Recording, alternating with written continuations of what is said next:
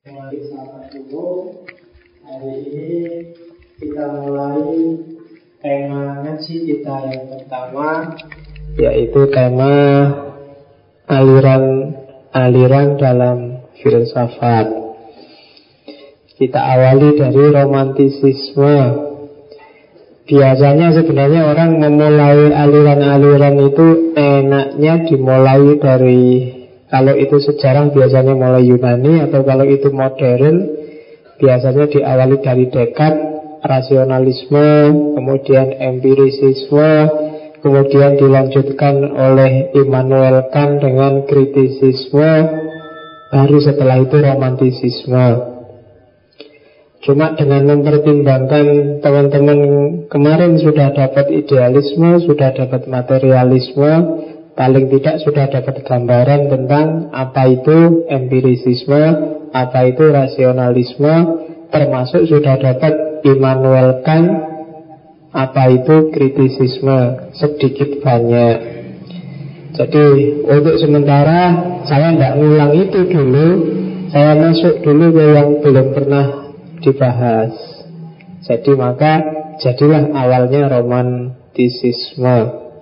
Ya nanti kalau sudah kira-kira sampai finish aliran-aliran habis Bila perlu kita akan kembali lagi mengulang beberapa yang dianggap penting yang belum disampaikan di aliran-aliran termasuk tentang Descartes, David Hume, dan Immanuel Kant.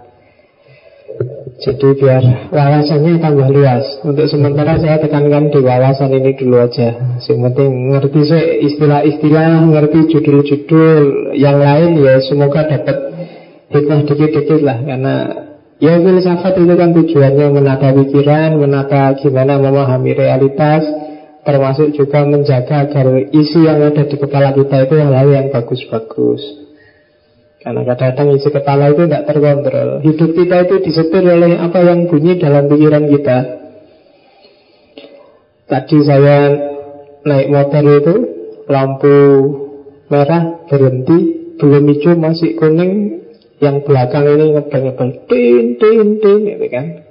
Nah itu kan terus biasanya kira nesu kan Nesu-nesu kurang ajar. Ini masih belum hijau masih anu nesu-nesu kamu anggap dia ganggu kamu. Kenapa kamu bisa marah? Karena kamu membaca bel itu dengan pikiran yang negatif. Kamu anggap dia marah-marah bel kamu. Coba kamu balik isi pikiranmu jangan gitu. Kalau waktunya kuning mau hijau ada orang ngebel-ngebel itu sebenarnya ngingetin kamu. Jadi ayo bro sudah mau hijau nih jangan ngantuk aja. Nah itu kan beda kan tanggapanmu. Jadi bunyi bel itu kalau kamu pahami, ayo bro pas pakai ya ini mau hijau itu kan enak kamu. Mungkin kamu malah senyum-senyum ke dia oke makasih bro. Diingetin kan gitu. Tapi karena kamu bacanya sambil marah-marah kurang ajar ini belum hijau sudah ngedel-ngedel ya. Betul tanggapannya dan itu yang sering terjadi sehingga hari ini banyak orang tawuran, banyak orang gegeran karena memang cara dia membaca isi pikirannya, isi pikiran marah-marah. Nah, belajar filsafat ini kita coba belajar yang tidak marah-marah, tidak negatif-negatif. Kita cari hikmah-hikmah positif, biar hidup kita juga positif. Coba rasakan ya, kalau teman-teman masih internetan terus baca gegeran atau perdebatan misalnya. Itu kan rasanya beda dengan baca humor atau baca yang lucu-lucu, baca yang sufi-sufi itu kan yang bergerak di dalam dirimu kan beda.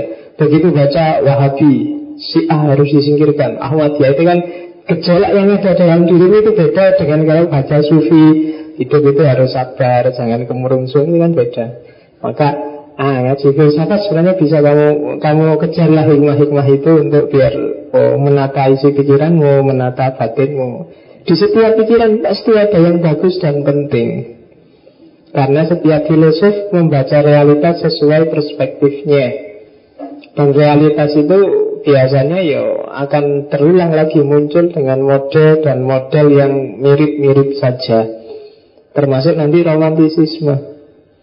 Apalagi yang muda-muda. Romantis itu kan biasanya konotasinya dengan apa ya? Romantis itu hari ini romantis itu agak fisikal. Romantis itu kalau makan malam di traktor, di restoran, cahayanya remang-remang terus kan gitu itu terus disebut romantis awalnya memang arahnya ke situ, cuma ketika itu jadi sangat fisikal sebenarnya sudah agak geser dengan romantisisme. Karena romantisisme tujuannya tidak fisik. Mungkin karena memang dunia anak muda termasuk dunia pacaran hari ini memang sangat fisik dan praktis dan instan kan gitu. Sekarang kalau zaman dulu ingin menyatakan ingin nembak itu nggak gampang harus bikin surat dulu. Nulis surat bisa berhalaman-halaman itu. Itu dulu kalau orang jatuh cinta mesti jadi penyair karena dia harus nulis surat itu bisa sak buku. Kosong itu bisa habis. Wah keliru salah berapa garis saja di wah ganti lagi diganti lagi terus ngirim. Dan dahsyatnya itu kan kalau nunggu dibalas nggak ya dibalas nggak ya. Ditolak atau nggak ditolak kan balasannya juga sama-sama surat yang balas juga harus bikin kata-kata yang gimana ya caranya. Dan itu bagi saya indah romantis. Kalau hari ini kan enggak, paling kamu coba SMS Mau nggak jadi pacarku kan selesai dari sana? Enggak, selesai kan. Tapi kalau pakai surat kan ada, ada wah, panjang. Lebih romantis. Tapi kalau hari ini enggak Agak instan. Oke. Okay. Romantisisme Dalam ketika orang belajar filsafat Sering-sering fase romantisisme ini diloncati Orang biasanya ketika modern ngomong rasionalisme, empirisisme, kritisisme, terus biasanya loncat ke fase-fase belakang, Nietzsche ke belakang, termasuk kontemporer, dekonstruksi dan lain-lain sampai posmo. Tapi menurut saya penting karena romantisisme itu adalah cara baca peradaban Eropa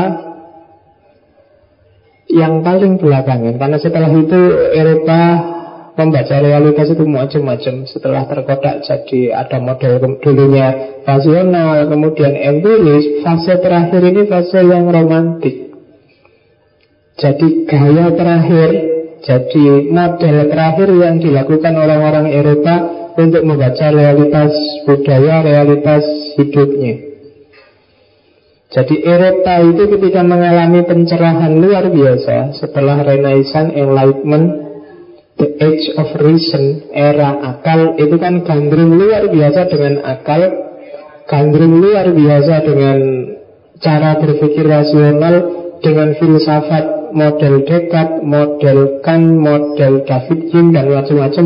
Nah, romantisisme membalik itu. Jadi ketika orang sudah jenuh dengan yang rasional Ketika orang sudah bulat dengan yang masuk akal-masuk akal Terus larinya ke romantisisme era itu. Jadi puncaknya rasionalisme itu kan ketika ada revolusi Perancis melahirkan negara bangsa dan seterusnya itu. Dan romantisisme ini nanti yang melahirkan para filosof-filosof besar Bahkan beberapa yang kemarin kita kenal Hegel, kemudian kamu kenal Karl kemudian kamu kenal Rousseau, kamu kenal Voltaire, dan lain-lain itu sebenarnya banyak dikategorikan sebagai para filosof romantik. Nah, nanti kita lihat kayak gimana sih cirinya, kenapa dia disebut gaya terakhir, fase terakhir, model terakhir, cara baca orang Eropa terhadap realitas. Oke. Jadi Ya, romantisisme sebagai gerakan ini sebenarnya gerakan kota. Jadi masyarakat kota, masyarakat urban. Pelopornya anak-anak muda. Cuma bukan anak-anak muda agresif, rasional kampus, anak-anak rajin yang ibunya tinggi, tapi anak-anak muda yang suka-suka seni anak-anak muda yang apa ya mahasiswa mahasiswa semester akhir sih tidak lulus lulus terus bikin terus ikut ikut teater itu ya kayak kayak gitu. Jadi pelopor pelopor awalnya itu. Jadi yang disukai oleh gelombang-gelombang era romantisisme itu ya itu sebenarnya tak terjemah letterlock itu Tokoh-tokoh romantik adalah para pemuda Biasanya mahasiswa universitas yang cenderung malas Kan mau buku malas Disuruh mikir-mikir rasional Malas suruh analisis nggak bisa Cuma kalau gitaran nongkrong sambil ngobrol kalau itu aneh. Tapi jangan salah, yang model gini ternyata bisa bikin gerakan besar luar biasa karena dari kalangan ini nanti muncul tokoh-tokoh besar seperti Rousseau dan kawan-kawan. Jadi yang merasa nasibnya kayak gini nggak usah pesimis. Sopo ngerti nanti kalian akan jadi pelopor perubahan.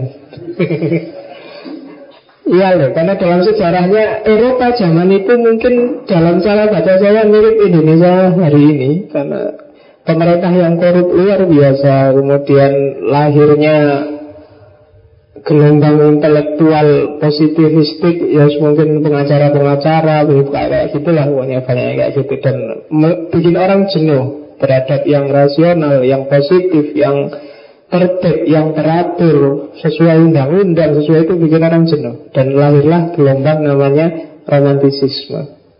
Membalik era pencerahan. Slogannya biasanya mereka pakai menonjol dalam istilah-istilah di situ tak sebut perasaan, rasa, feeling, imajinasi, pengalaman, kerinduan. Nah, karena ini agak enak karena kemarin kita baru saja ngomong tentang estetika. Sangat mengagungkan seniman dan kesenian. Maka kalau kalian kenal komponis-komponis besar, sastrawan-sastrawan besar, itu lahir dari era ini.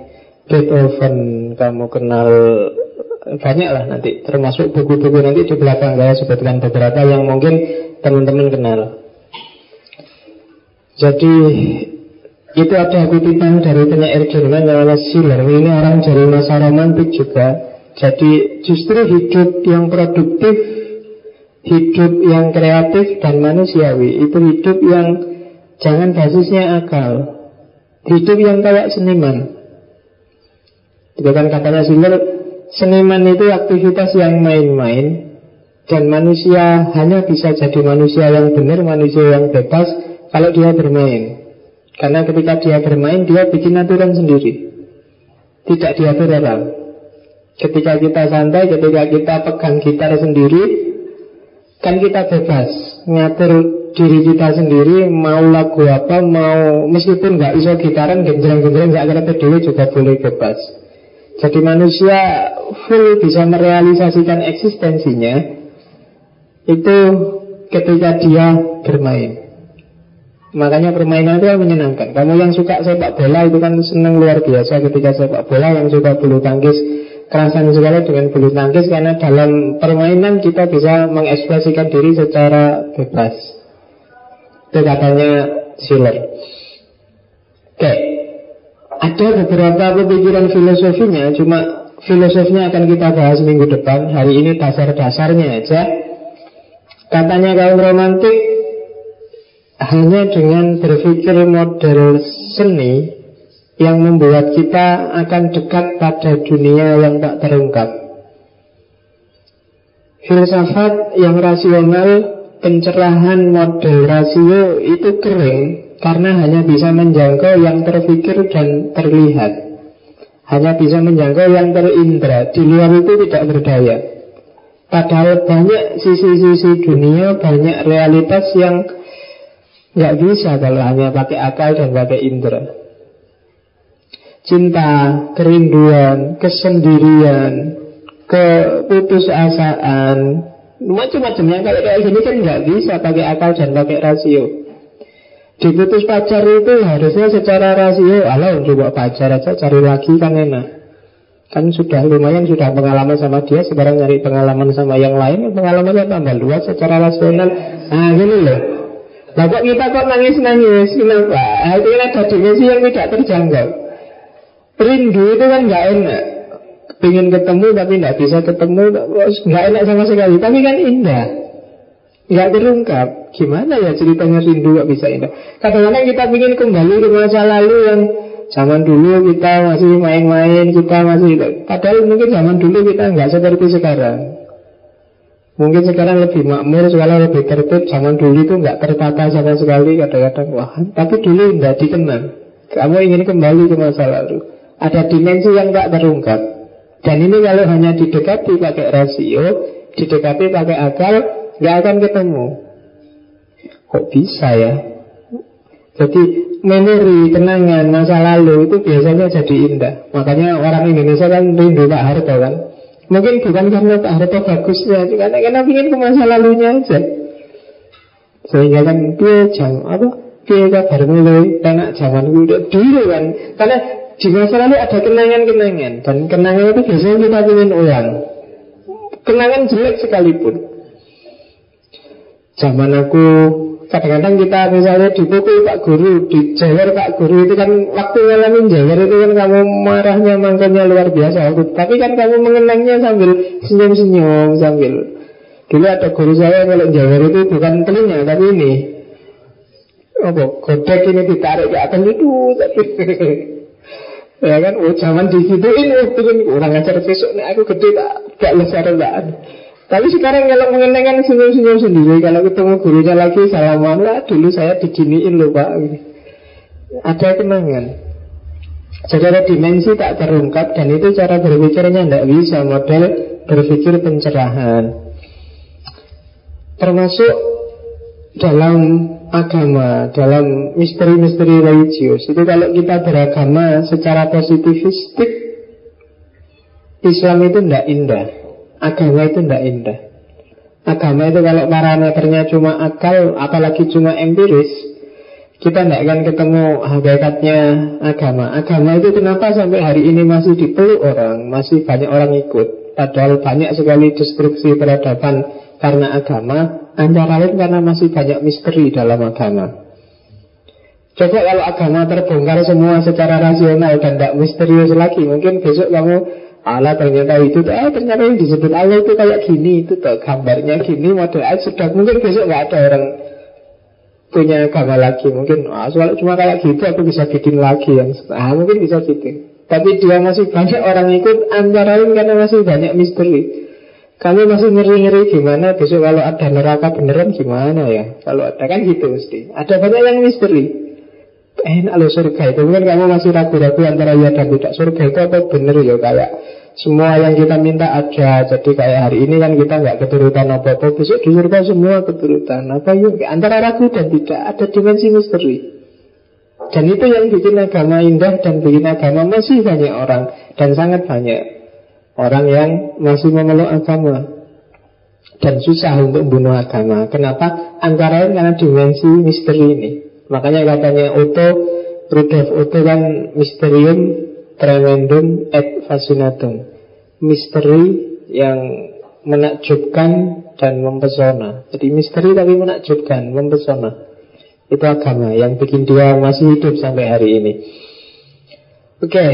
kenapa harus gaya seniman untuk memahami realitas?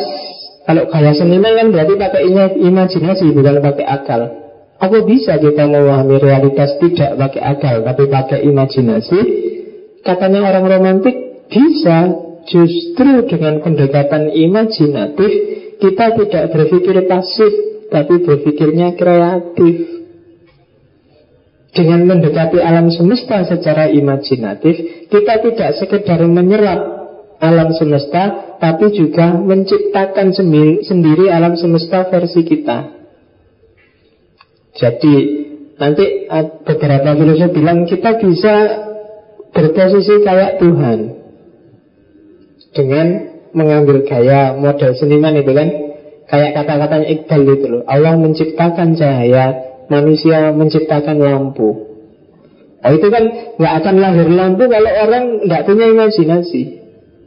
Akal sehat saja tidak akan nyampe. Orang harus punya imajinasi. Kamu bayangkan dulu lampu itu panjang kayak gini Terus mikir-mikir Kalau panjang kayak gini makan tempat Nggak simple Terus jadilah model yang Itu kan hasil imajinasi Yang ganteng kecil itu kan. Kecil tapi terangnya mungkin bisa ngalang-ngalain ini. Itu kan imajinasi Dulu lampunya nggak pakai listrik kayak gini Cuma pakai lampu pompa itu.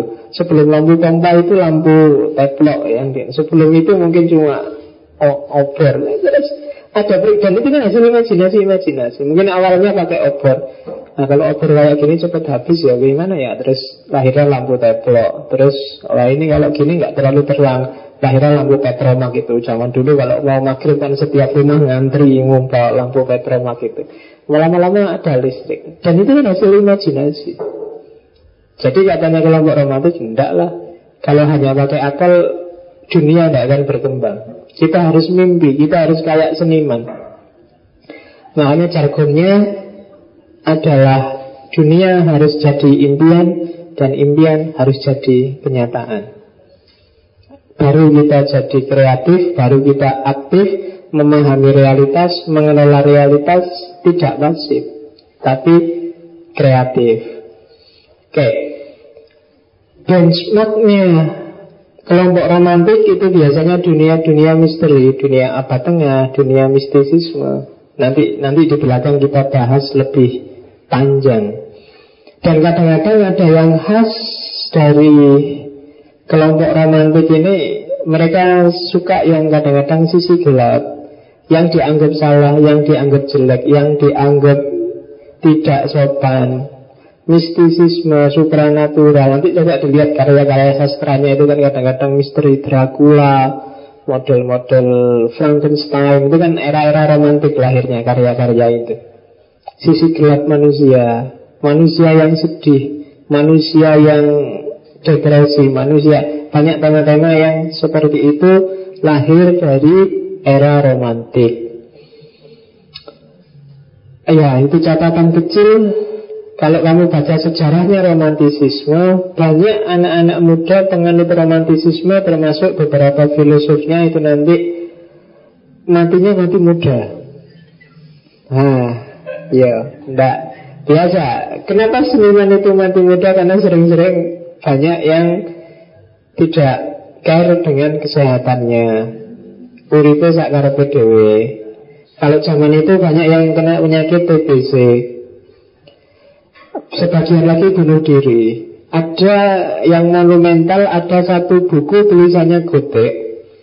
Tulisannya Gotek itu judulnya The Sorrow of Young Wahrir Kalau nggak salah, pemuda Wahrir Kalau diterjemah mungkin penderitaan pemuda Wahder. Saya lupa kelihatannya sudah ada terjemahannya itu.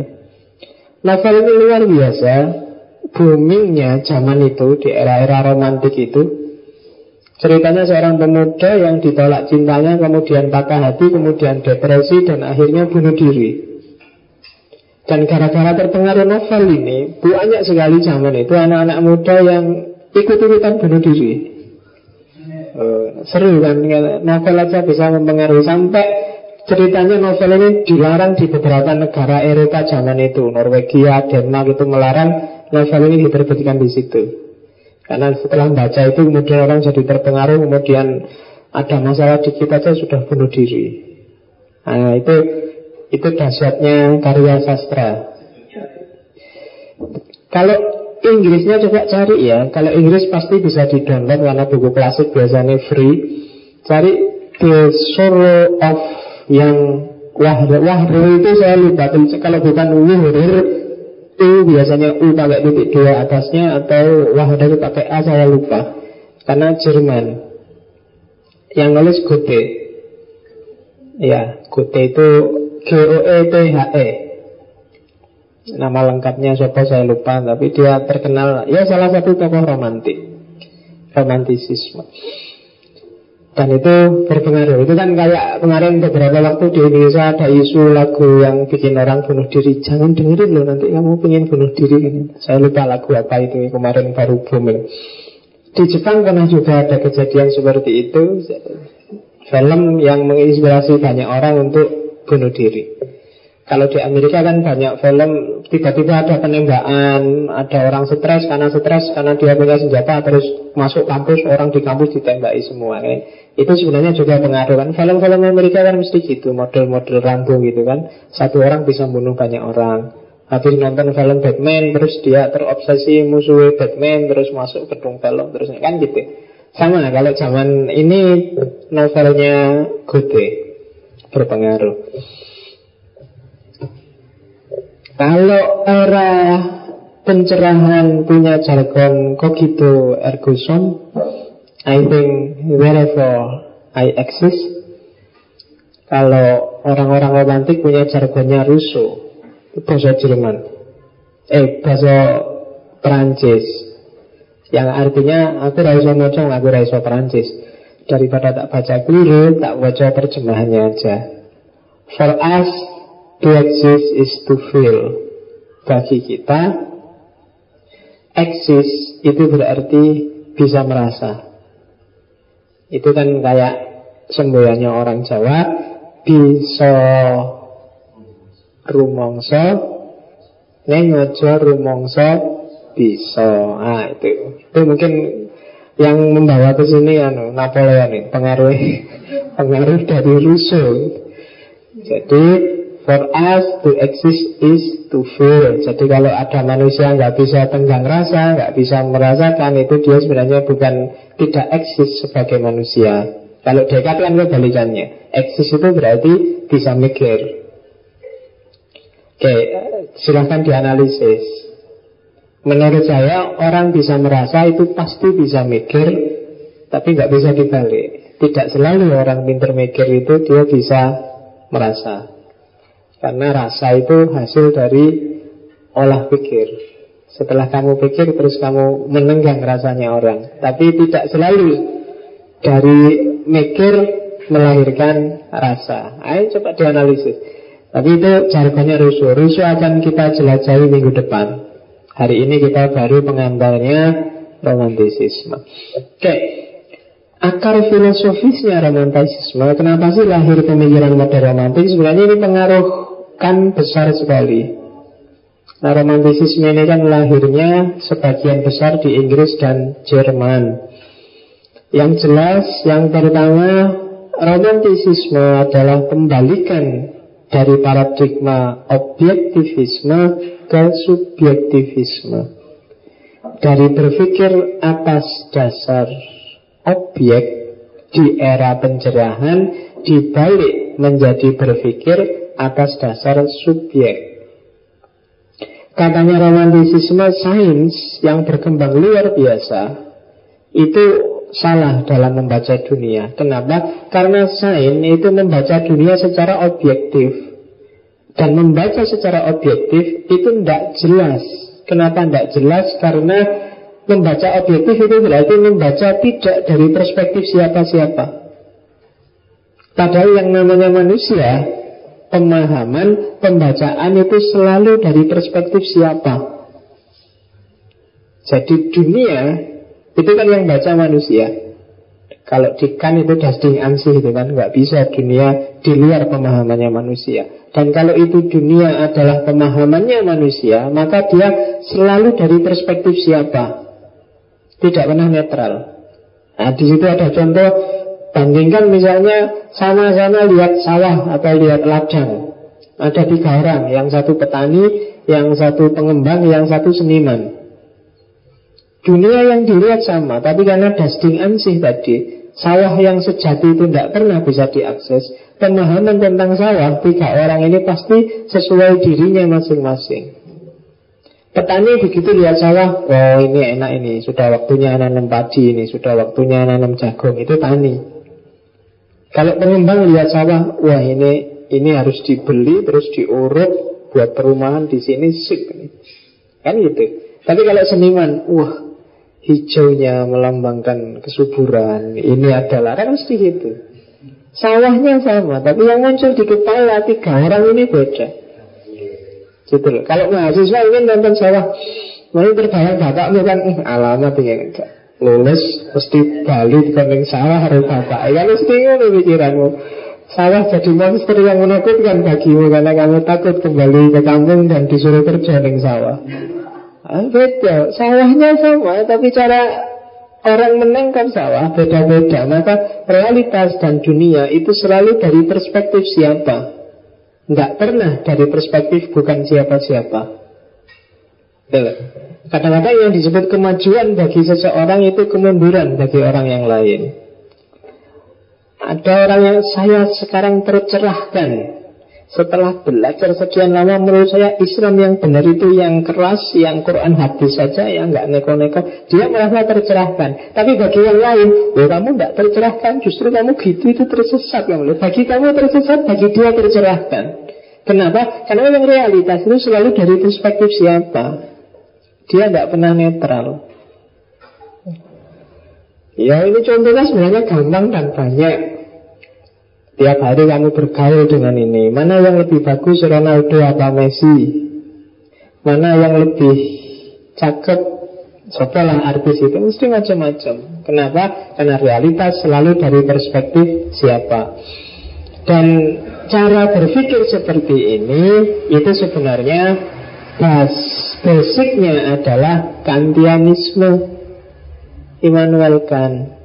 Kalau di Kant kan sudah ditegaskan bahwa dasding ansih, realitas apa adanya, itu tidak pernah ketemu. Realitas itu, realitas ini kan sesuatu yang bisa kamu, meja ini realitas, lantai ini realitas. Tapi meja yang sejati, lantai yang sejati kan nggak akan ketemu. Selalu meja menurut aku, lantai menurut aku, atau menurut dia, atau menurut kamu. Gitu loh. Indonesia itu kayak gimana sih? Setiap kepala akan membunyikan secara beda-beda sesuai perspektifnya sendiri-sendiri. Indonesia yang asli terus kayak gimana? Tidak tahu. Nah, yang asli itu namanya dusting ansi. Tidak bisa diakses dusting ansi itu.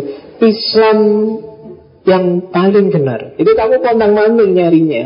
Kenapa? Selalu Islam sesuai pemahaman setiap orang. Jadi dusting ansihnya Islam Itu kalau pakai Immanuel kan nggak akan kepegang Kalau ada orang tanya Loh kan oh, bikin khilafah Islam itu ya menurut siapa? Loh Islam yang asli Dia asli itu menurut siapa?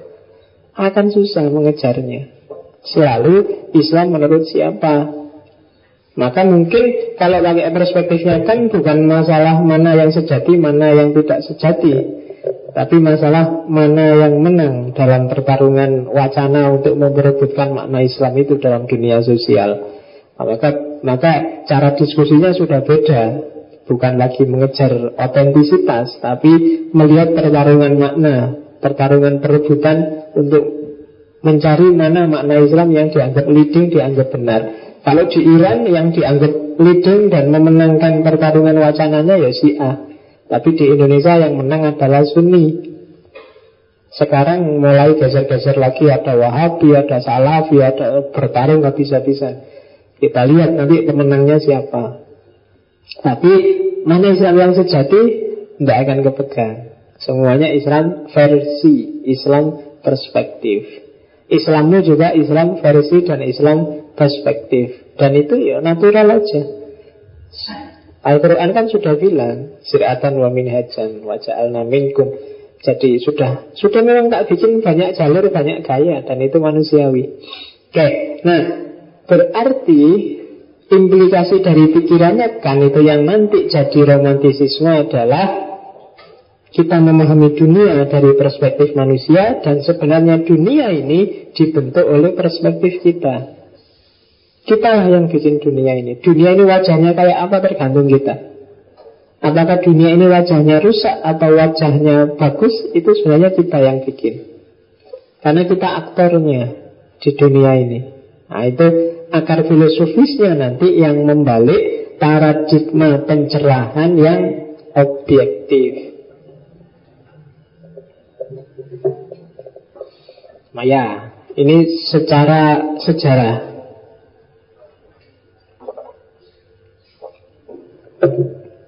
Kita telusuri pelan-pelan dari sejarahnya.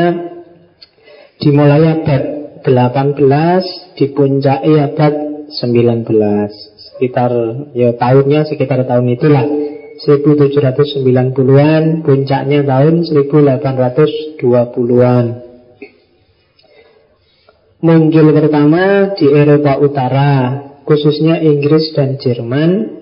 Cuma inspirasinya dari Perancis Termasuk yang memicu nanti revolusi Perancis, perangnya Napoleon, revolusi Amerika juga sebenarnya ikut berpengaruh.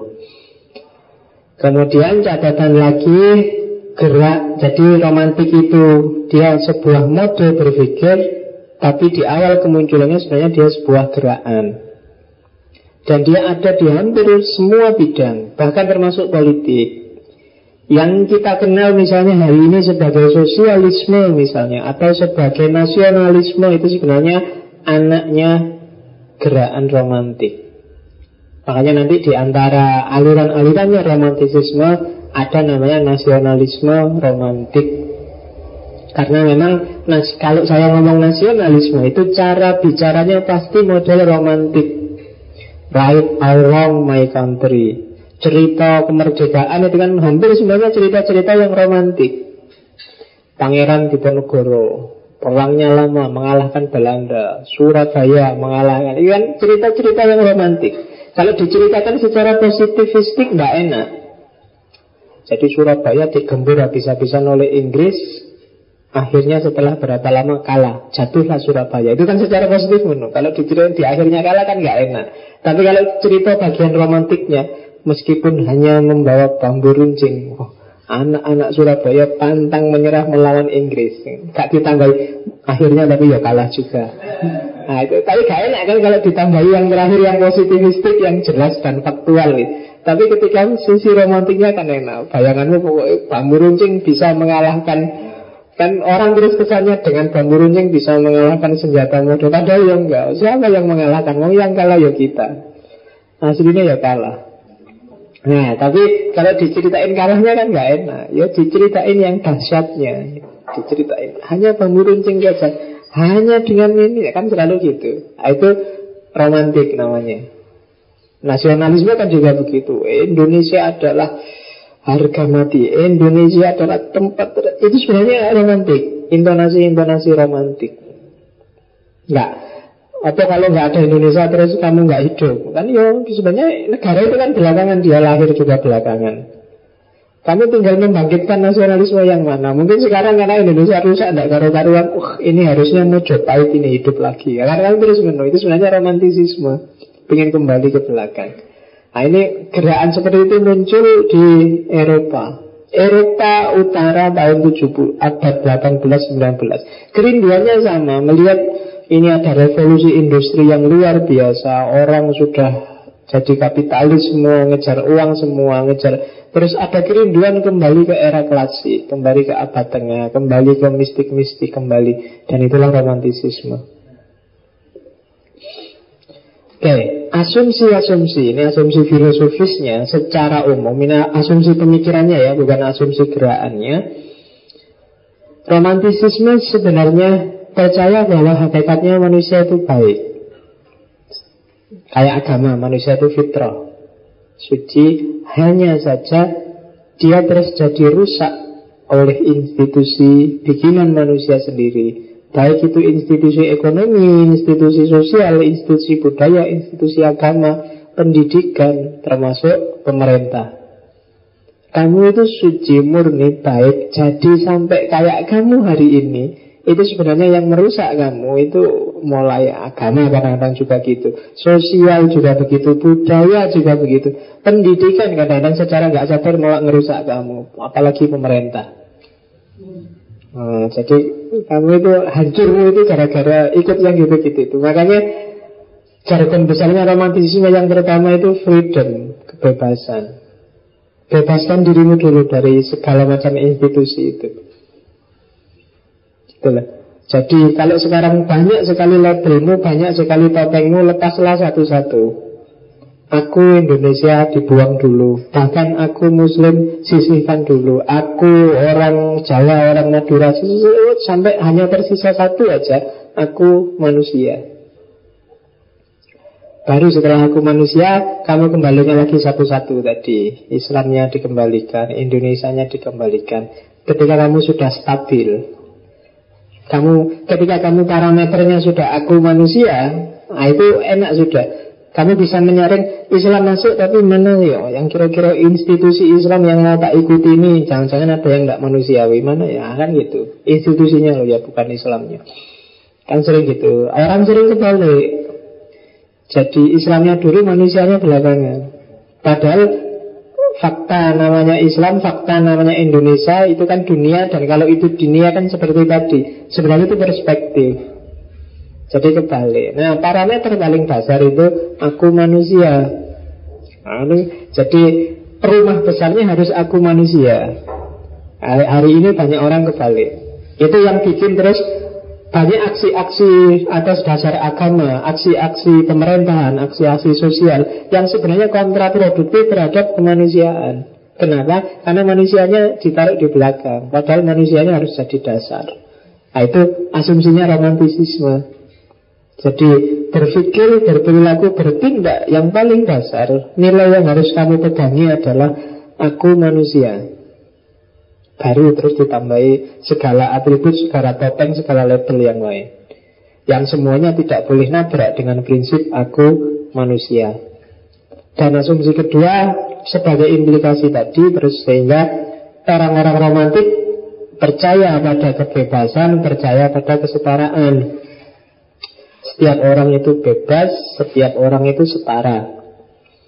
Kapan-kapan kita ngomong filsafat kebebasan karena dasarnya semua ilmu, dasarnya semua filsafat, dasarnya semua seni itu sebenarnya adalah termasuk dasarnya semua agama itu harus kebebasan. Karena bebas itu nanti korelasinya dengan moralitas, korelasinya dengan tanggung jawab, korelasinya dengan estetika. Kalau bahasa Inggris bebas itu ada freedom, ada liberty, ada independent. Masing-masing implikasinya beda-beda. Kalau freedom itu berarti bebas dari, kalau liberty itu bebas untuk, kalau Independen itu mandiri Tidak terpengaruh. Untuk bisa freedom Untuk bisa bebas dari Pertama-tama harus independen Maka proklamasi kemerdekaan itu Kalau bahasa Inggris disebut Independent Day jadi harus independen dulu, tidak tergantung dulu Itu syarat pertama Selama kita masih tergantung berarti kita tidak akan bisa freedom Dan kalau tidak freedom pasti tidak akan bisa liberty Deliberate kalau bahasa filosofinya. Jadi kalau kita tidak independen, kita masih tergantung pada banyak hal, kita tidak akan bisa bebas dari. Paling tidak kita tidak akan bisa bebas dari ketergantungan kita. Kalau kita nggak bisa bebas dari, maka kita nggak akan bisa bebas untuk melakukan apa pun. Freedom for. Jadi bebas untuk itu liberty itu kan freedom for. Nah, jadi kalau Indonesia itu masih banyak tergantung sebenarnya dia belum merdeka. Jadi kalau diputus sudah tak putus kamu nggak tak utangin terus Indonesia itu kolaps itu berarti dia sebenarnya tidak merdeka. Jadi sampai hari ini mungkin kita sebenarnya belum merdeka. Independen ada belum, apalagi freedom, apalagi liberty. Nah, itu nanti masuk di filsafat kebebasan. Filsafat kebebasan sambungannya nanti filsafat keadilan. Nah, kalau bebas saja belum, nggak mungkin akan ada keadilan. Ya sudah benar istilah keadilan sosial itu paling akhir. Karena memang ya target dan fokusnya ada pada keadilan, tapi prosesnya harus bebas dulu.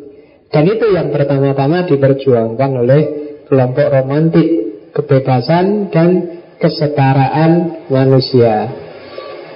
Oke, romantisisme Hakikatnya adalah reaksi terhadap yang pertama revolusi industri di zaman itu abad 18-19 Yang kedua kekacauan politik Yang ketiga klasisisme Revolusi industri itu adalah zaman ketika desa berubah jadi kota Ketika masyarakat petani agrik culture berubah jadi masyarakat pabrik, industri, manufaktur.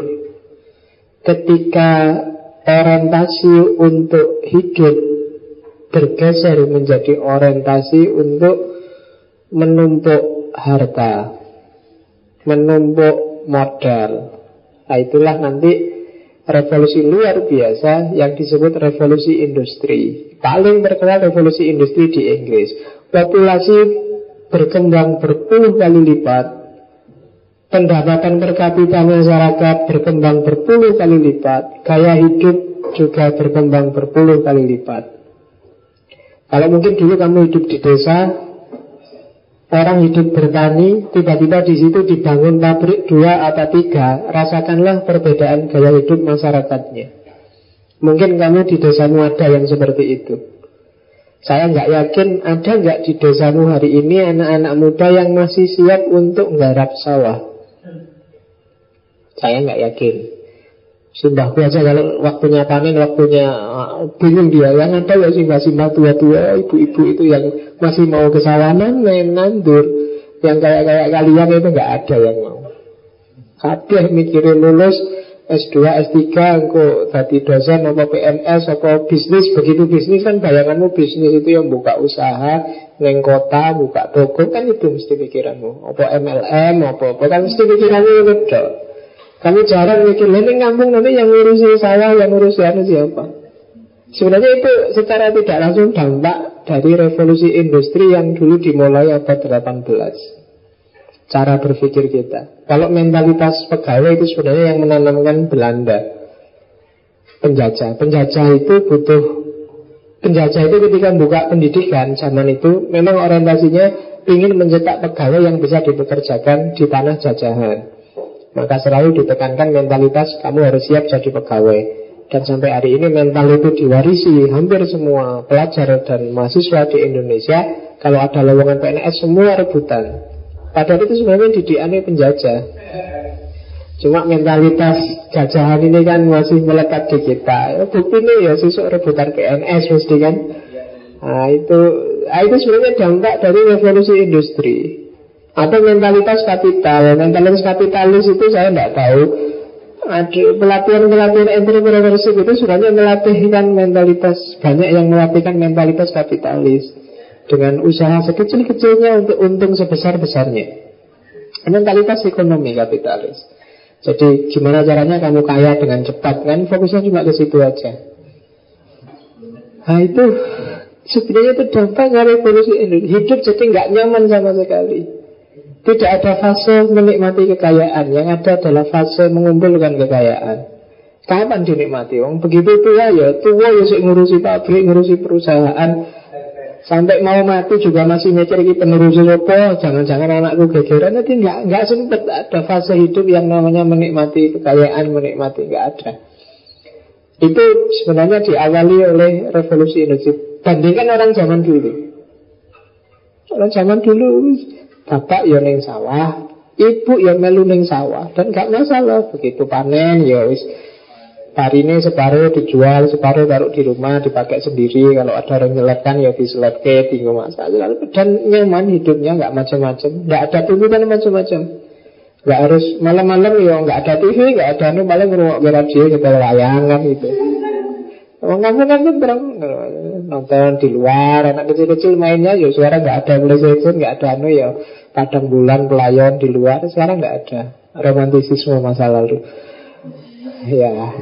Nah sekarang mainan bulanan anak-anak aja kan sudah dikompetisikan, sudah dianu kan ngapain? Kalau dikompetisikan ya dia tidak akan hidup lagi kayak dulu. Kalau kepingin dia hidup lagi, bikin space-space terbuka yang nyaman untuk anak-anak main. Kemudian tradisikan Misalnya kalau malam merasa nonton TV, saya sing tua ya lalu metu nongkrong, nanti anaknya otomatis ikut keluar sama bapak ibunya, itu kan mesti gitu. Sekarang kan enggak. Tradisinya hilang. Itu revolusi industri. Ini saya lupa lukisannya siapa. Sebenarnya tentang revolusi industri bagaimana wajah desa yang berubah drastis jadi kota. Antara tahun 1760 sampai 1830-an itu dikenal sebagai revolusi industri. Sebenarnya sampainya itu tidak harus ditulis karena sampai hari ini masih banyak negara yang sedang mengalami gedar industri. Ini salah satu contoh betapa cepatnya dampaknya revolusi industri. Coba masyarakat tahun Inggris itu tahun 1760-an jumlahnya sekitar 6 juta. 10 tahun setelah itu jumlahnya sudah 21 juta. Populasi meningkat drastis. Di London saja jumlah penduduknya 1750 itu sekitar cuma 500 ribuan orang. Sepuluh tahun kemudian sudah sekitar 3 juta orang.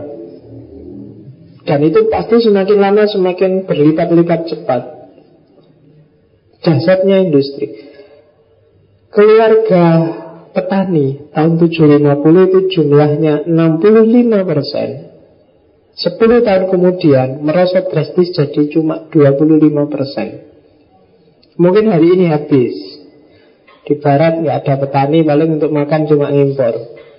Indonesia mungkin sedang mengalami yang 25% ini. Makin lama tanah-tanah makin habis, semuanya jadi perumahan. Iya kan? Ketika jadi perumahan, maka selain sumber daya tanahnya habis, sumber daya air juga pasti habis. Mana ada perumahan mau mikir sumber daya air? Yang penting kan dia paling di bor, di artesis, di itu dan itu menghabiskan sumber daya air sekelilingnya. Kalau kamu punya rumah, hati-hati yang dekat perumahan, biasanya sumurnya cepat kering mesti. Karena mesti disedot habis-habisan. Ya itu industri yang diberontak nanti oleh kelompok romantisisme. Kekacauan politik juga jadi sebab revolusi Amerika, revolusi Perancis, perang Napoleon. Ini yang memicu.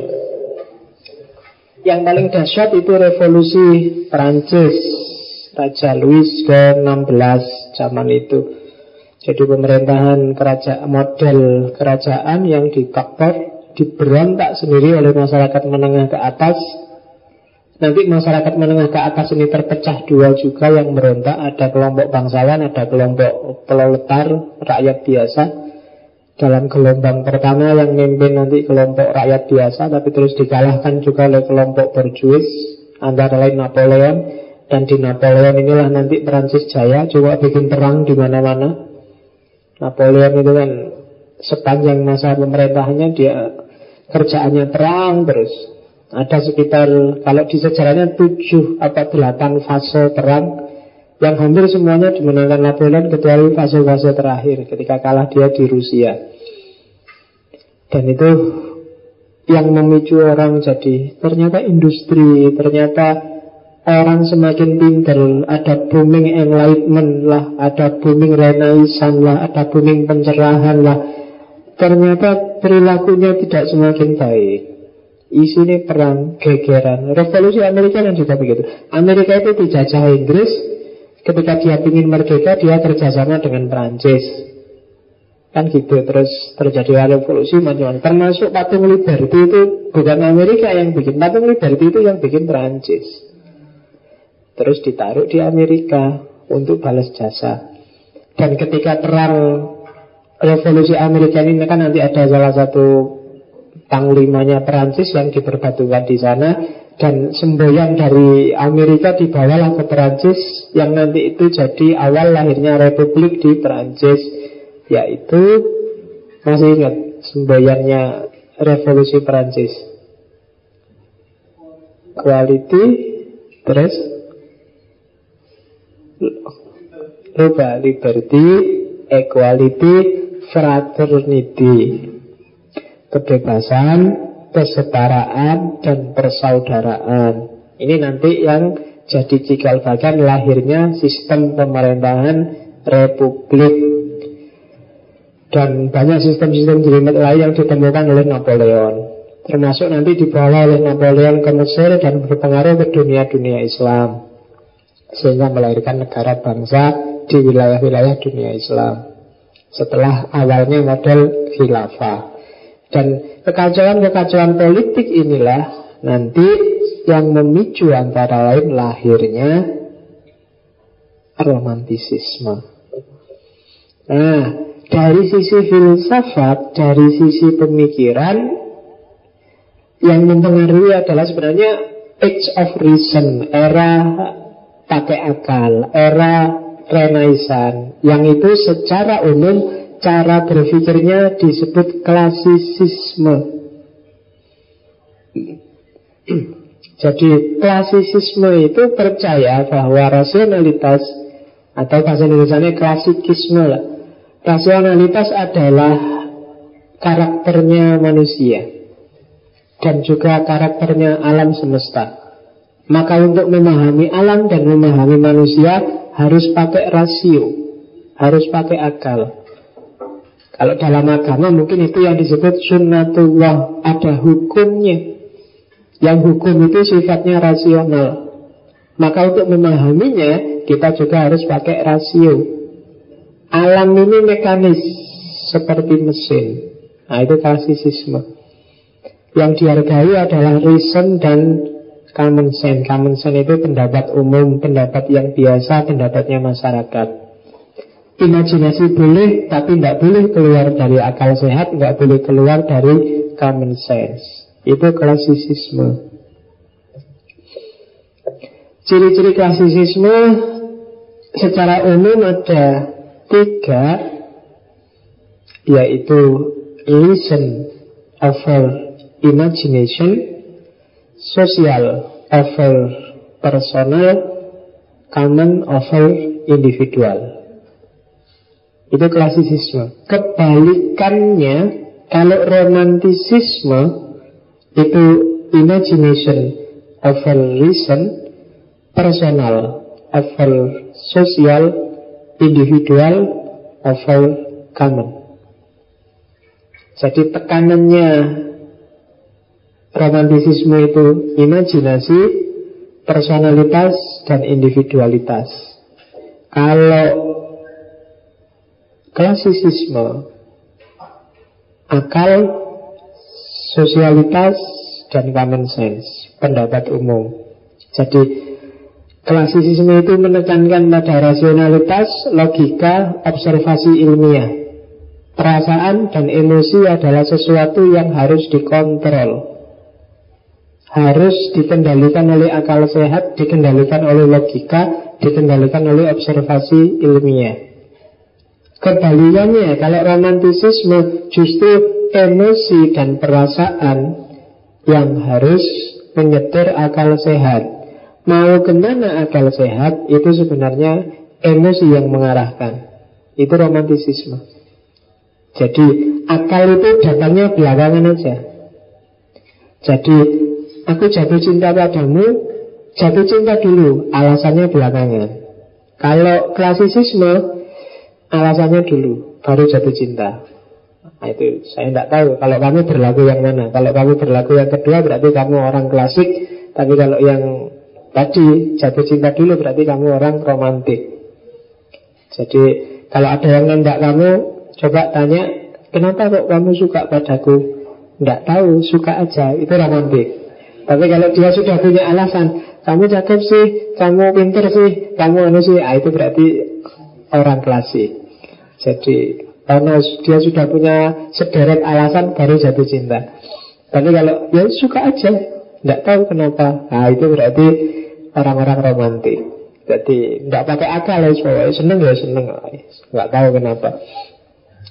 Oke, terus kalau klasik itu kebutuhan sosial itu lebih penting dari kepentingan individual. Makanya cara berpikirnya cenderung objektif, ya yang orang banyak memahaminya seperti apa. Stabilitas, harmoni, hierarki sosial jadi utama. Itu orang-orang klasik. Kebalikannya, kalau orang romantik, kepentingan individual itu lebih tinggi daripada kebutuhan sosial. Makanya katanya Rousseau, sosial politik itu sebenarnya cuma kontrak kesepakatan. Dia harus bisa mengakomodasi kepentingan-kepentingan individual. Nggak boleh ada kepentingan individual yang dikorbankan untuk dunia sosial. Karena itu semula cuma kontrak kok. Indonesia boleh tidak ada Asal rakyatnya makmur, nggak boleh dibalik. Rakyat harus berkorban untuk negara. Itu kebalik kalau katanya romantik. Adanya negara justru biar kepentingan kita sebagai warga negara terakomodir. Bukan kebalikannya. Cuma kalau orang klasik kebalikannya. Ya kepentingan bareng-bareng dong, negaranya dong yang harus jadi yang individu boleh bahkan dianjurkan berkorban demi kepentingan bersama, kepentingan sosial, kepentingan negara. Nah itu bedanya romantik sama klasik. Maka Indonesia hari ini mungkin masih negara yang klasik, belum negara yang romantik. Jadi Indonesia hari ini masih mikir kepentingan negaranya, bukan mikir kepentingan rakyatnya. Kalau dia sudah mikir kepentingan rakyatnya berarti dia sudah romantis. Makanya Indonesia itu kan nggak enak, nggak indah kamu baca Indonesia hari ini. Kenapa? Karena nggak romantis. Jadi negaranya nggak mau berkorban. Kita yang tiap hari disuruh berkorban. Berkorban bayar pajak lah, berkorban sabar banjir lah, berkorban banyak kita suruh korban. Negaranya sendiri nggak mau korban. Ya negara berkembang tapi pemerintahnya nggak mau susah. Mau nggak misalnya pemerintah sudahlah kita ini kan demi rakyat karena rakyat sedang banyak bencana. Bulan ini gaji semua pejabat dipotong 50% misalnya. Kan nggak ada yang kayak gitu. Nggak pernah mikir ke situ kan? Kenapa? Karena kita negara yang klasik, bukan negara yang romantik. Oke, yang ketiga klasisisme itu percaya bahwa alam itu bisa dan bahkan harus dikontrol oleh manusia. Kebalikannya, kalau romantik itu bukan manusia harus mengontrol alam, tapi manusia adalah bagian dari alam. Maka manusia harus mau beradaptasi dengan alam semesta sekelilingnya. Jangan ngontrol, jangan mendominasi malah. Jadi alam kita itu bagian dari alam semesta. Kalau orang klasik kita di luar alam semesta, kita harus di atas alam semesta untuk mengontrolnya. Kalau romantik kita adalah bagian dari alam semesta, maka segala tindak perilaku kita harus menyesuaikan dengan ritmenya alam. Sekarang banyak bencana, sekarang banyak longsor, banyak kacau Sedikit banyak manusia turun andil. Mungkin karena kita selama ini ada di luar, ada di atas Maunya ngontrol malah ngerusak Nggak jadi, ngontrol. Sehingga ritmenya kacau. Coba kemarin kita tempatkan diri kita di dalam ritme alam semesta. Mungkin nggak kejadian seganas ini Bencana macam-macam itu kan. Karena alam semestanya sudah rusak. Oke, itu bedanya romantisisme sama klasisisme.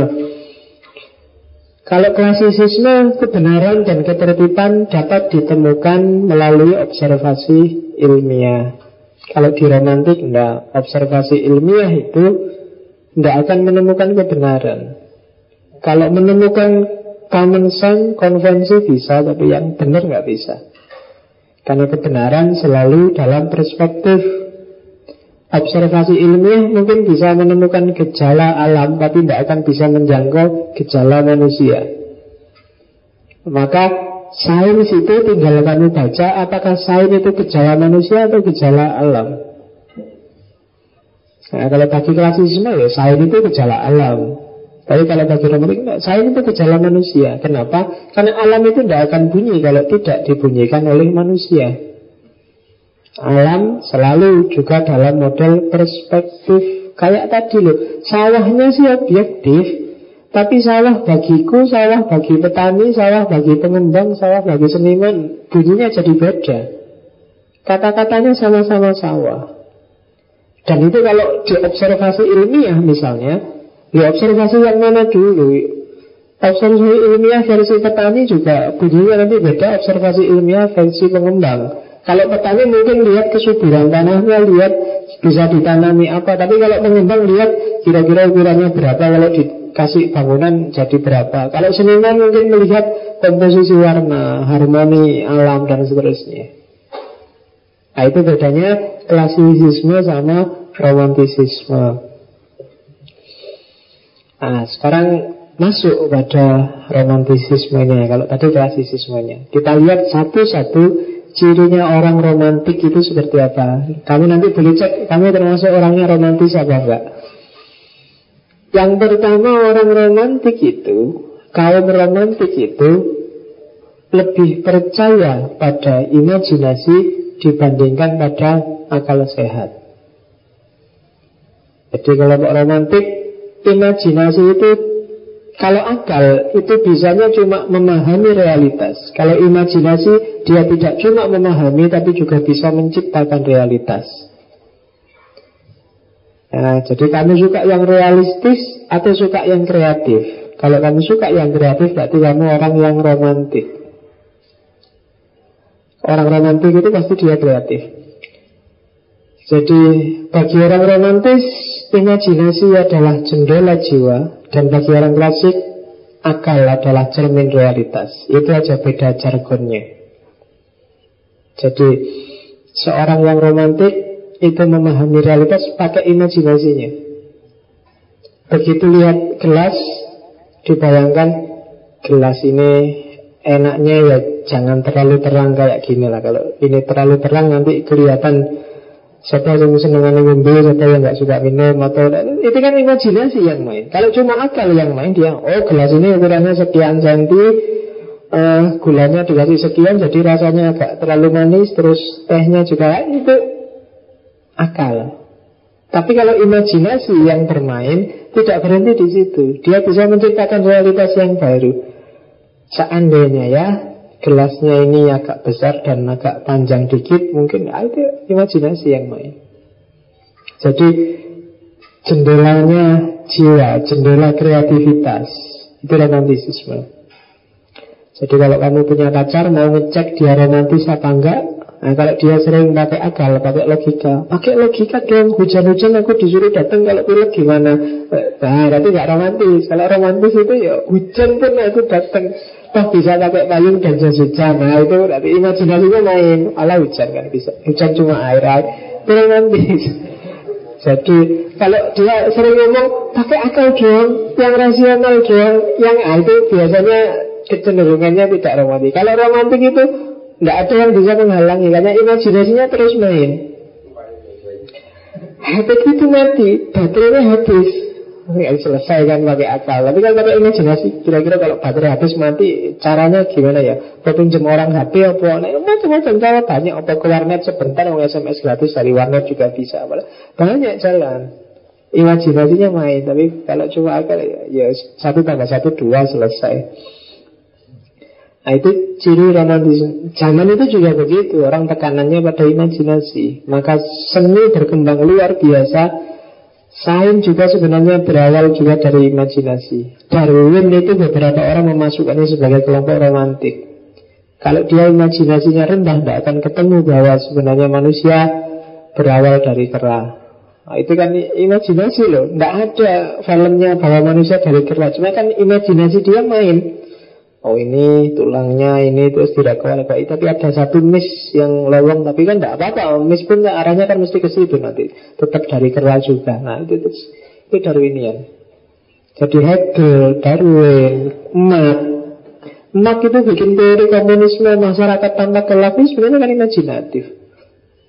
Sampai hari ini juga belum terrealisasi ada masyarakat tanpa kelas dalam mimpinya Marx tapi kan dia dahsyat bisa mengeluarkan teori itu. Kenapa tekanannya pada imajinasi, kreativitas. Bedanya orang pinter sebenarnya tidak melulu pada akal sehat dengan yang tidak pinter, tapi pada imajinasi.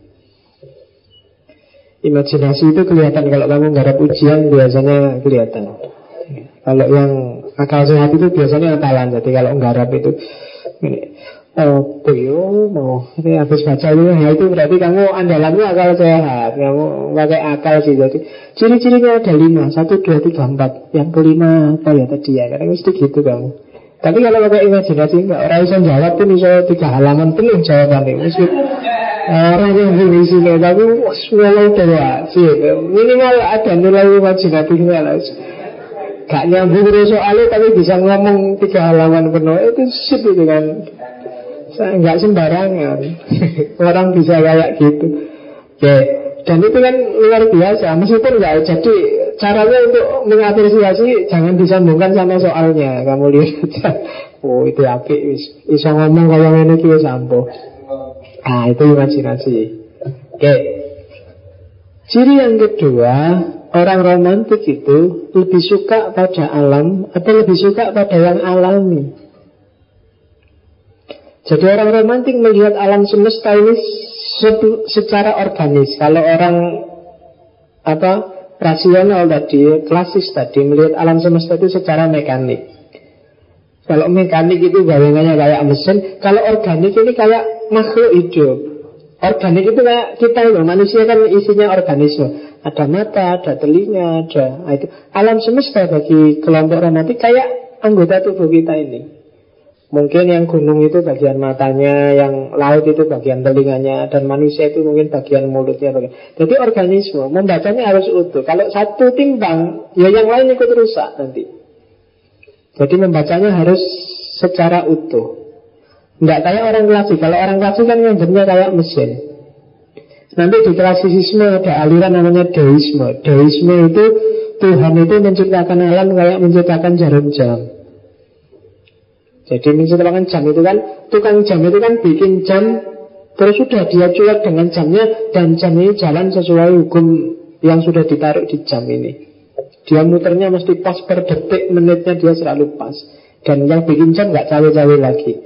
Nah kalau orang menganggap alam ini mesin Kayak orang-orang klasis Berarti Tuhan itu bikin alam itu Sudah. Begitu diciptakan Dikasih hukum alam, dikasih sunatullah Ditinggal sudah jadi sekarang Gus Allah itu sudah santai-santai nunggu mungkin di kamarnya sedang santai-santai nonton film, rokok ngerokok, pokoknya alam semesta itu sudah jalan sendiri sesuai hukumnya. Jadi Enggak, enggak diurus ya sudah ada hukumnya Besok waktu sudah selesai kiamat tinggal ditanya Ayo kamu ngapain aja? Mana rekamannya Mana filmnya? Oh kamu dulu waktu tak tinggal kurang ajar banget Kayak gini. Aku tinggal dilihat terus kurang ajar. Sekarang tak hukum kalau gitu kan gitu. Jadi sudah dikasih hukum Dan sekarang nggak cawe-cawe lagi Tinggal kita pedomani nah, Itu pendapat tentang alam semesta yang mekanis. Nah Kemudian karena dia organik, jadi tidak mekanis, maka setiap variabelnya sebenarnya kalau ingin lihat kehidupan, itu berarti seluruh alam semesta secara utuh itulah nanti yang namanya kehidupan. Jadi tidak manusianya saja, tidak hewannya saja, tidak tumbuhannya saja, tapi ya secara keseluruhan itulah namanya kehidupan. Selama ini seolah-olah manusialah yang hidup, yang lain itu enggak. Manusialah yang sadar, yang lain enggak. Enggak, semuanya punya kesadaran di levelnya masing-masing. Semuanya saling mendukung, saling kompatibel, kayak puzzle itu loh. Kalau ada lowong satu, ya enggak sempurna puzzle-nya. Sebagus apa pun gambarnya. Dan ketika itu ada lowong, pasti akan ada akibatnya. Kayak organisasi kan kita Kalau kita matanya aja yang sakit Kan banyak sekali variabel hidup yang kacau Gara-gara hanya mata saja karena nggak bisa dipisah-pisah. Gigi sakit, Oh itu kan macam-macam sudah. Gigi sakit makan jadi nggak enak, makan jadi nggak enak, kepala jadi pusing. Telinga juga jadi rewel. Dengar suara suara ada dikit kamu sudah marah-marah, ya kan? Jadi gigi sakit. Bagian kecil dari organisme. Kamu kan nggak bisa. Ala gigi ya urusannya gigi tidak bisa. Ya kan? Ya kayak kalau kamu diinjek, dipukul itu kan yang dipukul tangannya, yang nangis matanya, yang mengaduh mulutnya, yang kan selalu gitu. Dan itulah organisme. Maka ketika alam ini pincang, tidak seimbang, tidak tertib, kacau, tidak teratur, ya yang terjadi rasa kedewe sekarang kan gitu. Karena kita sedang mencederai organisme besar yang namanya alam semesta. Oke. Okay. lebih menekankan emosi dibandingkan akal. Jadi insting, intuisi, rasa, emosi itu lebih penting dibandingkan logika.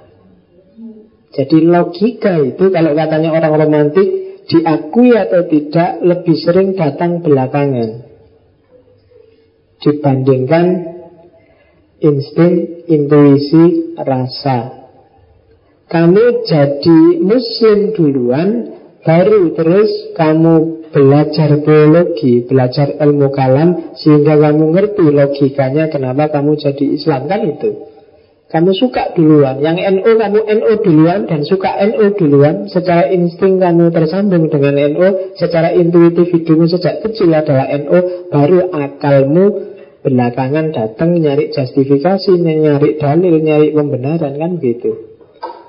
Hidup selalu begitu kamu kalau tak tanya kenapa ini ada NU, kenapa kamu kok Muhammadiyah? Pasti 99% jawabannya karena ya secara intuitif, secara instinktif kamu nyambung sama NU, nyambung sama Muhammadiyah. Karena dulu bapakmu ya Muhammadiyah, ibumu Muhammadiyah, bapakmu NU, ibumu NU kan selalu begitu. Dan justifikasi akalnya datang belakangan. Loh, NU itu bagus menjaga tradisi, menjaga dalilnya itu belakangan. Yang Muhammadiyah juga begitu. Itu insting Kamu suka dulu dengan dangdut Baru kamu cariin argumen logis tentang dangdut Dangdut itu kan musik tradisional khas Indonesia Tidak ke barat-baratan Sesuai kan gitu Karena ada ada insting, ada intuisi, ada pengalaman living apa? Living reality, pengalaman hidup dengan Itu kan. Mungkin karena sejak kecil ibumu dulu di kampung biasanya nyetel lagu-lagu nasi daria, lagu-lagu itu kan begitu dengar lagu itu kan kamu ada gernya, hmm, berkenang masa lalu. Padahal lagunya nggak enak sebenarnya kalau kamu mau jujur, tapi kan kamu suka kenapa? Ada keterkaitan emosional dan justifikasinya biasanya belakangan. Kamu mungkin suka lagu India. Mungkin sejak kecil bapakmu di rumah Ibumu seneng lagu India Seneng nonton India. Jadilah kamu punya keterikatan emosional dengan India. Setiap kali ada goyang India Kamu pura-puranya Alah apa India? Tapi dalam arti kamu senengnya luar biasa dengerin. Nah itu Emosi Lagi berpengaruh. Kalau kamu mau jeli sebenarnya Apa ya nilai-nilai hidupmu, kualifikasi-kualifikasi benar salah, baik buruk itu sebenarnya diputuskan oleh emosimu. Lebih banyak kamu suka dan tidak suka dibandingkan benar dan tidak benar, berdalil atau tidak berdalil. Silakan kamu evaluasi sendiri satu-satu. Mungkin lebih banyak itunya. Karena itu kata romantisisme, enggak lah. Intuisi sama insting itu lebih menentukan dalam hidupnya seseorang dibandingkan akal.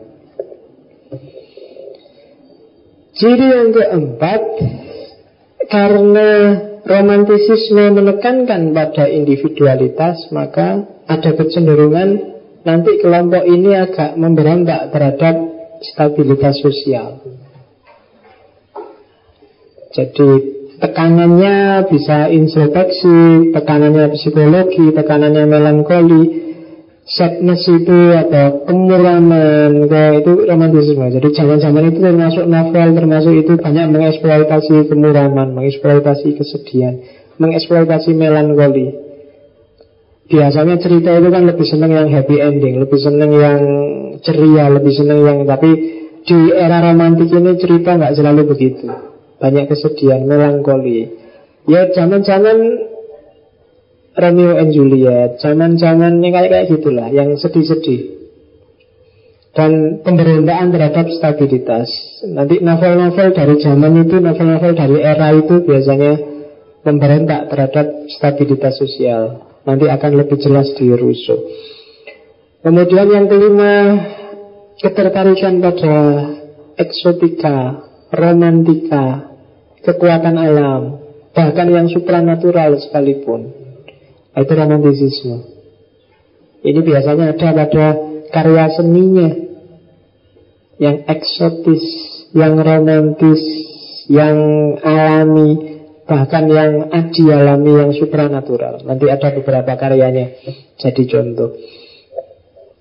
Oke ya, ringkesannya itu nggak tak baca satu-satu, pasti yang tak jelaskan tadi diringkes di situ. Jadi kalau enlightenment itu pakai akal, romantisisme pakai emosi. Akal itu kalau jargonnya orang enlightenment, orang pencerahan adalah as clear as light. Seterang cahaya, sejelas cahaya kalau pakai akal. Cuma kalau jargonnya orang nanti emosi dan intuisi dan jargonnya bukan seterang tapi as mysterious as night. So misterius malam. Malam itu kan misterius hal-hal yang tidak jelas, hal-hal yang buram itu biasanya munculnya di malam. Biasanya. Ada banyak hal yang misterius. Pokoknya malam itu selalu misterius. Enlightenment, hubungan alam dan manusia, ya kayak tadi, kalau karena dia pakai akal, alam dianggap objeknya, manusia subjeknya, maka manusia diposisikan di atas alam. Tapi kalau orang romantik, manusia adalah bagian dari alam. Periode yang dirujuk Enlightenment, periode klasik, rasional. Kalau orang romantik Periode abad tengah, periode mistik timur. Untuk seninya Orang tercerahkan pencerahan itu Orientasinya adalah orientasi mimetis. Seni adalah fotokopi Seni adalah cermin dari realitas. Kalau orang romantis Seni itu ekspresif. Seni itu ekspresi emosi dari pengarangnya dari yang bikin seni. Jadi dua-duanya yang satu objektif, mimetis, yang satu subjektif, ekspresif. Itu bedanya seni di era pencerahan dan era romantik. juga bedanya sudah tak jelasin semua di depan Tidak usah tak jelasin tinggal kamu baca Sastranya Ya sastra romantik itu biasanya Yang pertama yang paling atas yang coklat itu cirinya adalah lebih bebas. Karena tadi jargonnya kebebasan. Jadi nggak terpaku model, nggak terpaku pakem. Pokoknya dan biasanya lebih menarik. Ya, terus pemahamannya biasanya pakai simbol-simbol imajiner karena tokoh-tokohnya biasanya tidak realistis. Kalau gambar juga sifatnya imajinatif. Beda dengan naturalisme, realisme. Kemudian sastra romantik biasanya mengandung makna tentang yang absolut, yang misterius, yang batiniah, bahkan yang muram-muram. Jadi isinya tidak selalu cerah ceria. Kemudian biasanya dekat dengan alam, alam dijadikan cermin jiwa. Kalau puisi biasanya cenderung pakai simbol-simbol eksploitatif terhadap alam. Nah, itu kan yang paling gampang bikin puisi kan memang itu. Jadi senyummu seperti kilat yang menyambar. Nah, kayak ngono-ngono itu kan eksploitasi alam itu. Jadi Jadi kan kayak gitu. Dadaku bergemuruh seperti gunung yang sedang ya, Banyak ya, Yang paling gampang bikin puisi kan memang itu. Jalur eksploitasi alam. Oke Terus cirinya lagi Mengekspresikan kekuatan imajinasi dan kreativitas. Karena memang orang romantik Dasarnya adalah imajinasi dan kreativitas. Contohnya itu saya nggak tahu kamu pernah baca atau enggak karya-karya ini Tak saranin dibaca aja nggak apa-apa. Ivanhoe, Le Miracle, Three Musketeers, Frankenstein, Dracula, Robinson Crusoe, Faust, dan lain-lain. Termasuk nggak bilang tadi karya Goethe, The Sorrow of Young Ivan Ivanhoe itu cerita bangsawan Prancis zaman. Nanti di cerita Ivan Hui nanti ada tokoh yang kami kenal hari ini yaitu Robin Hood. Nah, Robin Hood itu salah seorang pendukung meskipun tokoh utamanya Ivan Hood, tapi nanti di dalam itu ada tokoh yang nanti sempalannya dibikin tersendiri jadi Robin Hood, Sir Walter Scott. Kalau Le Mirable itu karyanya Victor Hugo isinya kalau kami baca itu sedih terus jadi tokoh yang sumpek sedih masalahnya banyak sekali. Ini miracle. Dari awalnya dia jadi pesakitan di penjara berapa tahun sampai di penjara keluar seneng dikit jadi gubernur tapi terus dapat masalah banyak difitnah, disiksa macam-macam. Terus seneng sama cewek, ceweknya juga jadi budak di keluarganya harus lari-lari. Wah, itu susah terus itulah miracle. Cari Victor Hugo. Victor Hugo juga nulis saya lupa yang mungkin dibikin kantor Hunchback of Notre Dame. Hunchback of Notre Dame. Kalau di Indonesia diterjemah jadi si bongkok dari Notre Dame.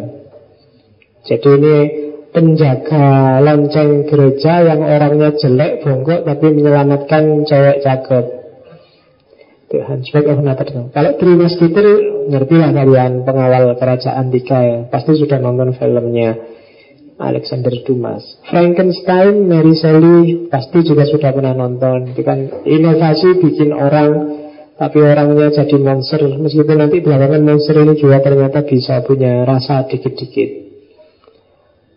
Dracula, apalagi kalian sudah ngerti lah Tonton filmnya. Kalau males baca novelnya itu kan seorang penulis yang tersesat di kastilnya Dracula. Robinson Crusoe, filmnya juga ada. Ini kan cerita tentang novel tentang orang yang tersesat di pokoknya daerah terpencil sendirian dan dia harus menjalani hidup kayak manusia yang awal yang nggak punya apa-apa selain mengandalkan alam. Itu Robinson Crusoe. Film yang judulnya Robinson Crusoe ada Tapi lebih menarik adaptasinya Mungkin pernah lihat filmnya Tom Hanks Yang judulnya Castaway Atau versi parodinya Film Korea yang judulnya Ya Castaway to the Moon Atau ada lagi film India Dengan genre yang sama Alah Lalu aku India ya. Tapi tetap Robinson Crusoe. Yes, nonton film dikit-dikit lah kan, jangan ngaji terus tuh. Oh, tiap malam ya sekali-sekali nonton-nonton film, baca-baca novel, biar otak kanannya hidup. Kalau filsafat terus nanti yang hidup cuma otak kirimu. Otak kanan juga butuh nutrisi ya, nonton-nonton film apa lah gitu yang asal jangan film Indonesia yang baru-baru yang horor sama sek itu. Ya, kalau pengen yang sek-sek nanggung kalau cuma nonton film Indonesia, cari yang lain aja. Eman-eman duitmu kalau buat Bukan yang gitu ya. Kalau sekedar nyari yang gitu-gitu loh ya Kan nanggung film Indonesia. Pada-pada lihat itunya ya. Oke Nyari yang berkualitas lah. Banyak novel-novel bagus Banyak karya sastra yang bagus. Nah itu bagi yang butuh. Ini bisa di-download gratis Cuma bahasa Inggris Ivanhoe Dracula Frankenstein Three Musketeers dan lain-lain ya Oke, kalau penyair saya tidak tahu di sini ada sastrawan apa enggak. Pasti sudah pernah dengar orang-orang itu. Percy Bysshe, Lord Byron, Coleridge, William Wordsworth, John Keats, William Blake dan lain-lain.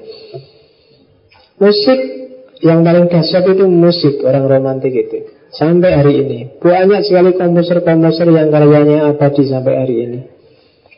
Jadi sama kayak ideologinya orang romantik artis atau seniman, seniman adalah orang yang dianggap khas, unik, nggak lumrah. Kan sampai hari ini kan gitu seniman itu. Kalau hidupnya dianggap nggak nyambung sama orang biasa. Karena memang dia adalah pemberontak terhadap realitas, kritik sosial, pelaku revolusi sosial. Sering-sering dia disebut jenius, kadang juga disebut pahlawan budaya. Itu seniman, artis. Khususnya artis-artis musik. Kan mesti kan gayanya seniman kan mesti khas. Sampai hari ini sebenarnya. Meskipun khasnya itu kadang-kadang khas karena banyak orang niru dia atau karena banyak orang sangat tidak suka padanya. Itu seniman ada yang nggak pernah mandi ada yang rambutnya nggak pernah cukur ada yang itu mesti gitu kalau biasa-biasa saja biasanya tidak disebut seniman beneran jadi harus khas. Ada nilai di masyarakat yang stabil yang dia berontak. Itu biasanya khasnya seniman. Dan itu diekspresikan dalam karyanya. Mungkin lagu, mungkin sastra, mungkin puisi. Ya kalau hari ini mungkin K-pop itu bagi saya budaya populer Tapi di awal munculnya dia pemberontakan Tapi ketika dia jadi stabil ya sudah nggak berontak lagi sudah. Aliran kan gitu Jazz, rap itu kan awalnya dia sebentuk pemberontakan. Makanya ada ungkapan dari Beethoven yang sangat terkenal Why go to social status? Ngapain sih kita membungkuk-bungkuk pada status sosial Kenapa sih kita kok suka banget disebut orang yang terhormat Disebut orang yang bermartabat Disebut orang ngapain Bikin kita nggak bebas. Biasa aja lah nggak usah. Nggak enak punya status itu. Dengan kamu jadi Saya aja sih nggak ada apa-apanya Sebetulnya kadang-kadang jadi nggak enak. Enak-enak biasa nongkrong makan di warung. Ada kan warung yang saya gitu Tiba-tiba pas makan kebarengan mahasiswa Terus mahasiswa ini Oh pak pak istri salaman cium tangan Sesuk sing di warung ngerti Hah masa ini dosen tuh ternyata. Harus jadi gak enak wis. Padahal biasanya pas mangan saat tarapku petinggirangan saya jadi gak seru lagi. Gak enak. Status status itu sumpah kamu. Aku biasanya keliling mau Keliling dengan kalau ketemu orang tidak enak kalau ketemu anak enak Gak seru. Ada mahasiswa lagi Nongkrong neng mall lagi suntuk Tiba-tiba mahasiswa itu Ah Pak Faiz Cium tangan. Aduh. Gak di situ-situ nongkrong aja sebelah itu nongkrong rapokan Gak tak cium tangan Orang-orang jadi gak nyaman. Biasa aja. Oke. Romantic composer adalah Franz Schubert, Robert Schumann itu. Nama-nama itu pasti Kalau kamu penggemar musik klasik Pasti pernah dengar nama-nama itu Tak loncati karena pasti kamu nggak gemar Ya Coba tadi Kamu kan tak jelasin ada debat antara era klasis Klasik dengan romantik Musik juga begitu ada musik klasik, ada musik romantik. Meskipun orang biasanya dikebiahuya bahwa musik yang gitu-gitu itu namanya musik klasik. Tapi gayanya beda, klasik sama romantik itu. Nah ini, kalau klasik itu teksturnya ringan, jelas, melodinya pendek-pendek, diulang-ulang, frase-frasenya tegas, proporsi dan proporsinya seimbang. Struktur itu jadi perhatian ya model-model sonata sonata panjang itu. Itu klasik. Saya nggak tahu bisa dulu nggak di sini. Tak kasih contoh sebenarnya. Tak muncul ya.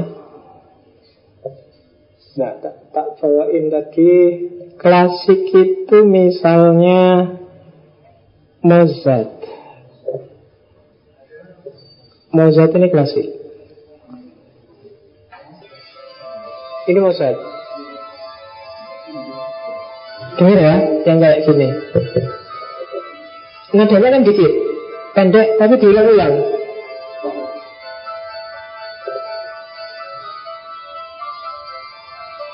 Kan diulang-ulang. Itu klasik. Ada lagi misalnya yang Nah, itu klasik.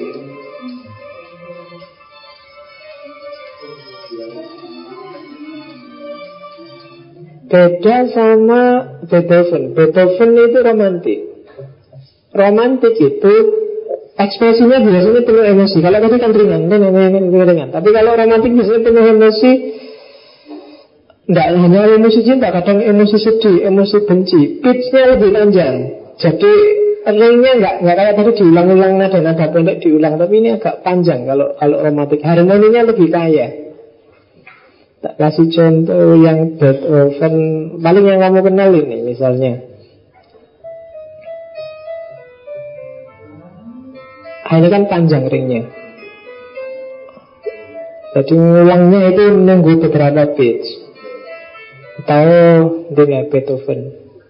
Orang biasanya yang sedang jatuh cinta suka Moonlight Sonata Meskipun saya yakin kamu nggak kenal.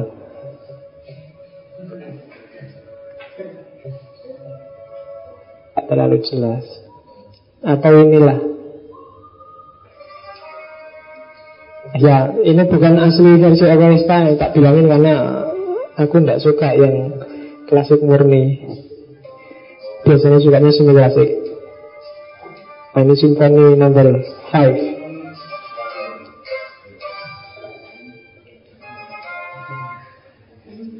Beethoven yang ini.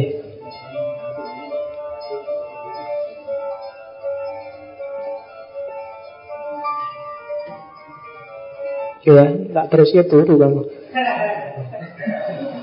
Oke. Ayo klasik malam-malam jam segini metal klasik turu mesti.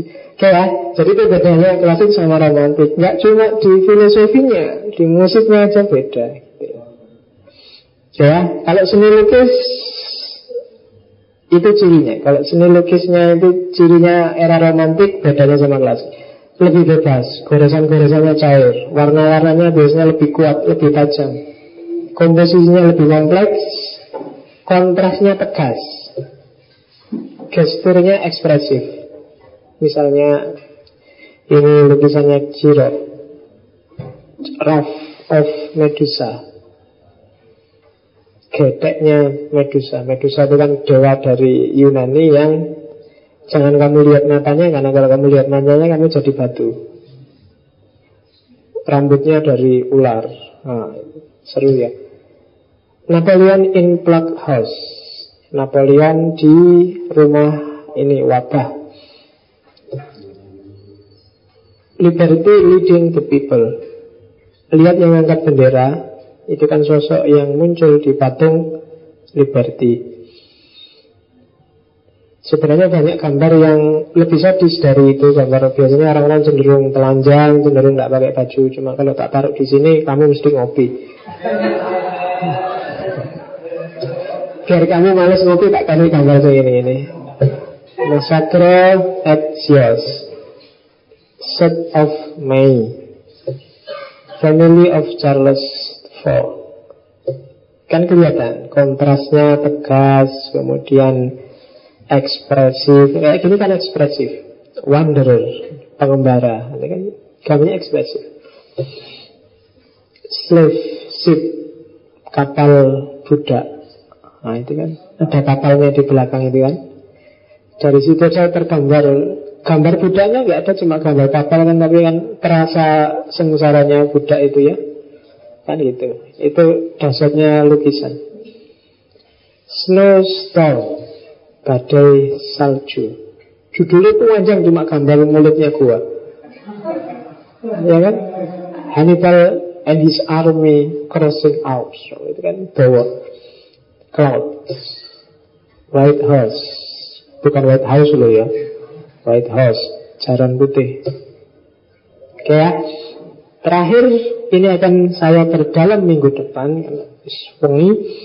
Jadi tentang para filosof romantik Isu-isunya secara umum ada tiga Problem meaning of life Problem finite and infinite Dan problem of death. Sebenarnya tokohnya banyak Antara yang tak sebut di situ Jean-Jacques Rousseau Arthur Schopenhauer Johann Gottfried van Herdel Herdel Ya bukan nama anjing loh ya Nama filosof. Itu Jangan kebalik Nama filosof yang dipakai nama anjing Bukan nama anjing yang dipakai nama filosof. Friedrich Wilhelm Joseph von Schelling Dan Johann Wolfgang von Goethe. Orang-orang itu. Mungkin minggu depan kita ambil dua atau tiga aja Karena tidak harus dibahas semua. Yang penting sudah dapat gambaran Oh ternyata seperti ini bahwa romantisisme itu Pro kontra pasti Kamu boleh setuju, boleh tidak setuju. Mungkin sebenarnya ada benarnya. Filsafat itu selalu ada benarnya sampai level tertentu Tapi nanti sampai level tertentu lagi Harus hati-hati dipakainya. Emosi ya, tapi apa ya harus hidup itu full semua 100% pakai emosi. Kamu sendiri yang tahu. Pakai kebijaksanaanmu untuk menentukan. Banyak orang mengkritik, banyak orang setuju Yang tidak setuju misalnya Carilah bukunya Harun Yahya Yang judulnya 40 Bahaya Aliran romantisisme Meskipun itu pakai teologi sebenarnya Tidak pakai filsafat, pakai dalil yang ini nggak sesuai dengan Quran yang ini ya Harun ya. Ya cari aja bukunya untuk mengkritik romantisisme. Tapi yang jelas sampai tahap tertentu, sampai level tertentu hidup kita relevan dengan romantisisme dan hidup memang harus ada komponen romantiknya. Kehilangan komponen romantik, kehilangan rasa, hidup kita akan jadi kering, nggak enak, anyep. Makanya Islam kan sebenarnya tidak kaku-kaku amat Islam itu balance Islam itu stabil, seimbang Jadi ya mungkin di level tertentu Boleh pakai seni Cuma jangan berlebih-lebihan Kalau berlebih-lebihan terus jadinya haram Kan selalu begitu. Jadi pakai kebijaksanaan kita untuk Oh iyalah Pakai rasa iya wajib. Emosi juga iya. Nanti kan muaranya emosi Nanti adanya di perilaku, di akhlak. Toh agama juga tujuannya akhlak. Termasuk puncaknya akhlak kan juga estetika seperti tak bilang minggu lalu apa hubungannya etika sama estetika. Dan estetika itu kan nanti yang seni dan lain-lain tadi. Oke silahkan kalau ada pertanyaan. 5 menit 10 menit 3 menit 2 menit 1 menit.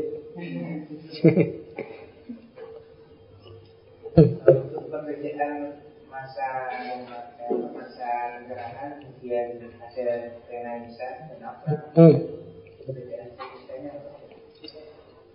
Sebenarnya periodenya sama. Jadi itu periode setelah sebenarnya pemicunya dekat dengan rasionalismenya. Renaissance itu biasanya konotasinya ke Perancis, bahasa Indonesia-nya pencerahan, Aufklärung itu bahasa Jerman. Sebenarnya Gelombangnya sama, frekuensinya sama, arah dan tujuannya sama. Yang pertama-tama sebenarnya bukan pencerahan akalnya, tapi pencerahan di level industri, di level sains. Jadi ketika Barat terbuka matanya dengan sains, terus terjadilah revolusi industri besar-besaran. Pencerahan itu lebih merujuk pada pemikirannya, kalau kebangkitan of Clarin itu lebih merujuk pada gerakan sosial, gerakan industrinya. Sebenarnya ke sana arahnya, tapi sebenarnya fasenya itu fase yang urut-urutan aja, beda, beda lokasi, beda kontinen. Makanya sering kadang-kadang filsafat kontinental itu kan bahasnya itu. Aufklärung itu Jerman, Renaissance itu Inggris sering orang begitu. Pencerahan itu Perancis. Kadang-kadang orang bilang gitu, tapi sebenarnya ya sama aja itu satu teritori. Jadi kebangkitan Barat, yang Barat itu kan Eropa. Jadi semuanya bangkit serentak di situ setelah mengalami abad-abad panjang kegelapan. Ada yang membedakan, oh kalau Jerman cirinya ini, anunya ini, kalau Inggris cirinya di industrinya, kalau Perancis cirinya di politik dia. Enggak, sebenarnya sama aja, secara umum sama. Kayak romantis itu kan pemicunya sebenarnya Perancis, tapi pengembangnya yang mempopulerkan ide romantisisme itu Inggris sama Jerman. Tokoh-tokohnya juga kebanyakan Inggris sama Jerman rasionalisme kadang kan kontinental kan orang sering begitu. Kalau Jerman itu cenderung idealis yang bangkit idealismenya. Kalau Inggris itu cenderung empirisismenya kalau Perancis itu cenderung rasionalismenya. Kalau Amerika pragmatismenya. Tapi sebenarnya semuanya di abad 18-19 itu bangkit secara serentak. Sebenarnya awalnya 16 ada lagi tidak ada ya. Minggu depan kita ketemu Rousseau, mungkin tak tambahi Selling atau Schopenhauer, dikit-dikit tak singgung Goethe atau Herder. Tapi nanti fokus kita ada pada Rousseau karena kelihatannya dari aliran ini yang paling dikenal orang, paling diingat orang adalah Jean-Jacques Rousseau. Kalau da dalam teori seni kan Rousseau yang merumuskan do re mi do. Tangga nada. Itu di aspek seninya. Cuma kita nggak akan fokus ke seninya. Kita lihat pemikiran filosofisnya. Oke saya akhiri sekian. Wallahu a'lam bisawab Wassalamualaikum warahmatullahi wabarakatuh